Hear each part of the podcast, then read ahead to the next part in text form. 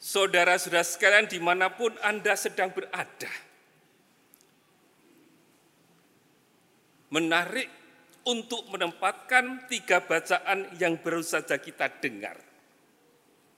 Supaya tidak salah paham, sebenarnya kalau menurut urutan waktu, bacaannya harus bacaan Injil, bacaan pertama, lalu bacaan kedua. Karena apa? Karena dalam Injil diceritakan bahwa Maria Magdalena, Petrus, Yohanes belum percaya akan kebangkitan. Belum. Sementara bacaan pertama, Petrus sudah mulai mewartakan kabar gembira kepada banyak orang bahwa Yesus sudah bangkit. Berarti itu peristiwa lama sesudah bacaan Injil. Dan bacaan kedua diambilkan dari surat Rasul Paulus.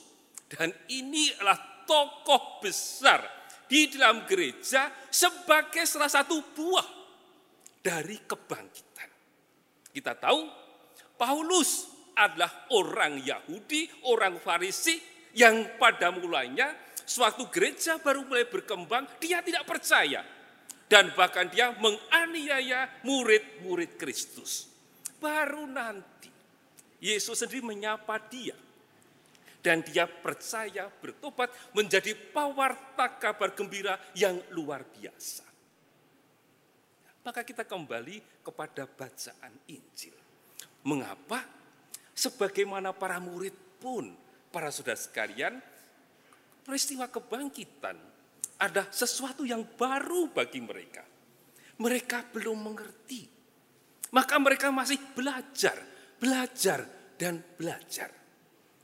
Dan hari ini kita diajak belajar dari tiga tokoh.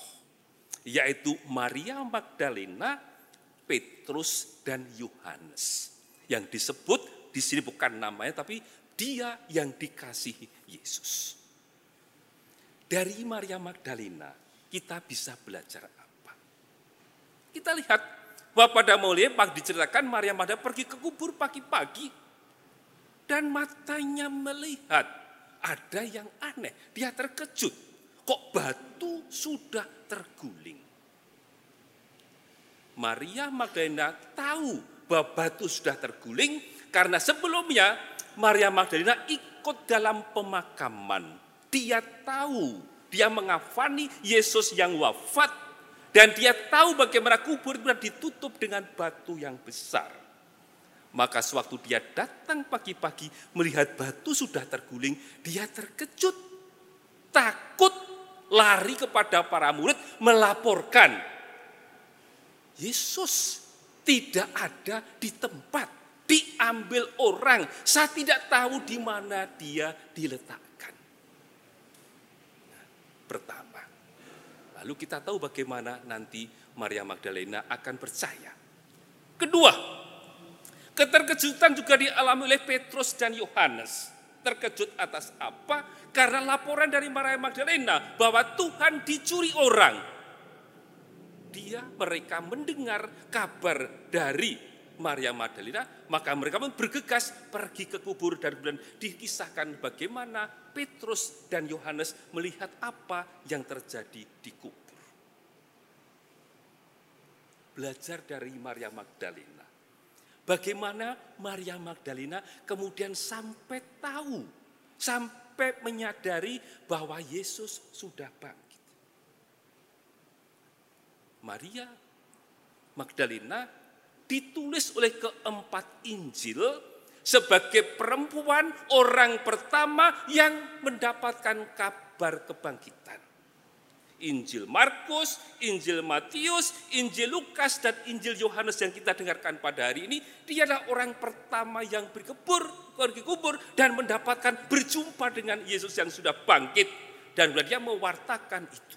Tapi bagaimana Maria bisa mengenal bahwa Yesus bangkit? Pada waktu dia pergi kubur, dalam Injil yang lain dikisahkan, lalu waktu dia sedang menangis, sedih, tidak tahu harus berbuat apa-apa, tiba-tiba seorang mengatakan, menyebut namanya, Maria.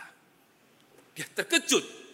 Ini hanya mungkin suara dari seseorang yang dulu saya kenal. Banyak nama Maria. Banyak orang memanggil Maria Magdalena. Tetapi di dunia ini hanya ada satu pribadi yang menyebut nama itu dengan cara demikian.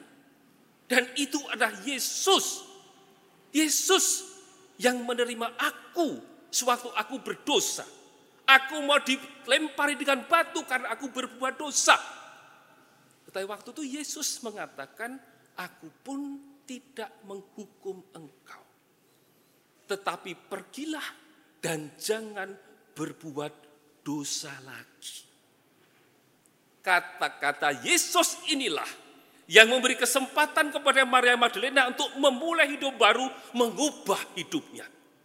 Maria Magdalena meninggalkan cara hidup lama, memeluk hidup yang baru. Dan itu karena Yesus menerima dia dengan segala masa lalunya. Maka sewaktu di depan kubur Yesus, dia mendengar lagi kata-kata itu, Maria. Maka ini hanya Yesus yang mengucapkan secara demikian. Dia inilah Yesus yang dulu saya kenal. Maka dia sekarang hidup. Itulah Maria mengenal Yesus yang bangkit karena dialah pribadi yang menerima saya dengan seluruh kedosaan saya, dengan masa lalu saya, tetapi dia tetap menerima saya, membiarkan saya untuk memulai kehidupan baru. Maka Maria Magdalena mengenal Yesus justru berpangkal dari pengalaman masa lalunya, pengalaman kedosaannya, diberi kesempatan untuk memulai hidup baru. Dan pribadi itu sekarang hidup, bukan ada di antara orang mati. Maria Magdalena, Petrus, bagaimana kita bisa belajar dari Petrus? Tadi dikatakan bahwa Petrus masuk, lalu melihat dengan jeli apa yang terjadi. Oh kain di sana, kain di sini, duduk pakai Yesus begini kok letaknya di situ. Menganalisa apa yang dia lihat. Tadi malam Petrus juga muncul dalam bacaan. Dan pada waktu Maria mengatakan kepada para murid bahwa Yesus hidup. Mereka orang-orang yang mendengar menganggap itu hanya cerita omong kosong. Tetapi tadi malam juga dikatakan bahwa Petrus setelah mendengar itu dia dia segera pergi ke kubur. Dan di kubur melihat apa? Tapi juga dicatat tadi malam bahwa Petrus pun mulai ragu-ragu, mulai berpikirkan apa ya yang sebenarnya terjadi. Yesus tidak ada di kubur. Malaikat mengatakan jangan mencari orang hidup di antara orang mati. Apa artinya?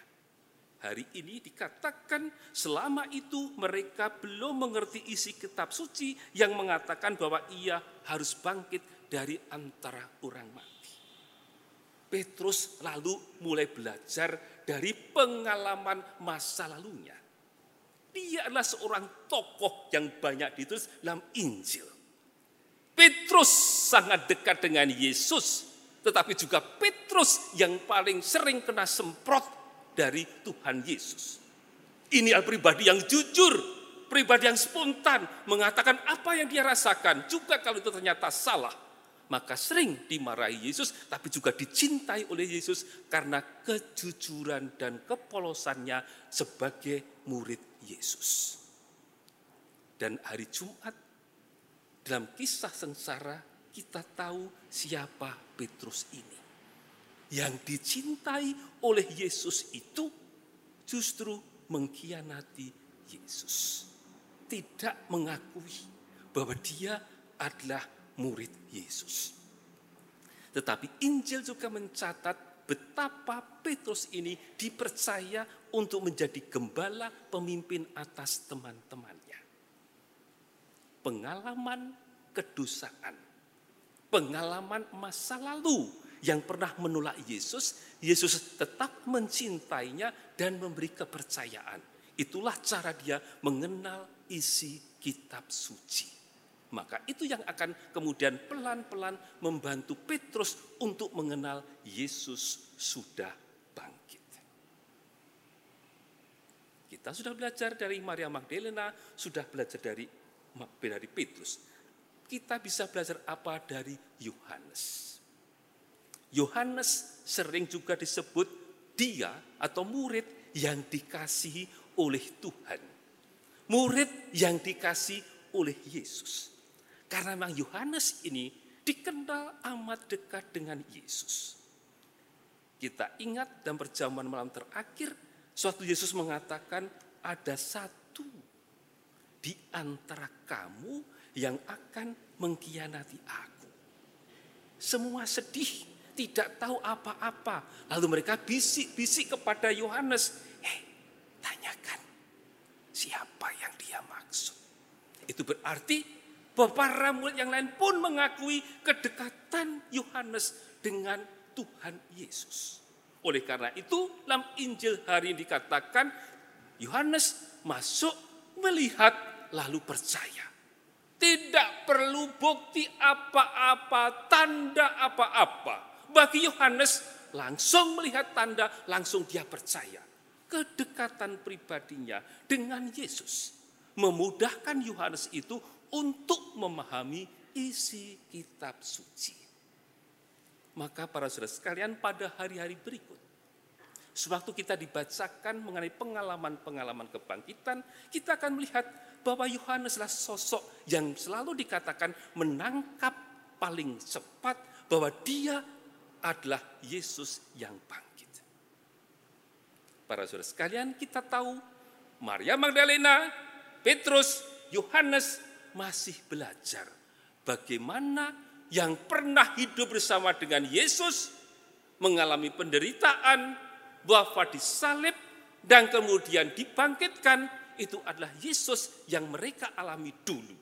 Tetapi bagaimana mereka bisa percaya untuk mengalahkan pengalaman traumatis selama Jumat Suci butuh waktu. Maka kita juga mohon rahmat yang sama. Agar lewat pengalaman-pengalaman hidup kita, kita juga belajar menemukan bagaimana kita juga punya pengalaman, pengalaman, pengalaman ajaib, pengalaman-pengalaman besar yang ditujukan Tuhan kepada kita lewat orang tua, lewat kakak adik, sesama teman kita. Lewat mereka-mereka itu kita belajar peristiwa-peristiwa ajaib Tuhan yang dilakukan kepada kita. Lewat peristiwa-peristiwa ajaib, peristiwa agung itulah lebih mudah bagi kita untuk menangkap bagaimana Yesus bangkit untuk menyertai kita. Maka sekali lagi kita mohon rahmat, keterbukaan pikiran, keterbukaan hati. Supaya pengalaman-pengalaman hidup kita membantu kita untuk bisa semakin percaya bahwa dia sudah bangkit dia yang mencintai kita itu lebih kuat daripada maut. Dia yang mencintai kita itu lebih kuat daripada kematian. Maka dia dibangkitkan oleh Tuhan karena perbuatan-perbuatan ajaibnya untuk sesama. Semoga kita juga seperti Maria Magdalena, Petrus dan Yohanes setelah percaya kita pun dipanggil untuk menjadi pewarta-pewarta sukacita kebangkitan. Paus Fransiskus mengingatkan kita masing-masing. Ciri khas orang Katolik adalah sukacita. Sukacita karena Allah mengasihi saya. Allah mengasihi kita. Maka pengalaman itu mengalami dicintai Tuhan harus kita wartakan juga kepada sesama kita. Itulah kabar kebangkitan yang harus kita wartakan dalam kehidupan kita.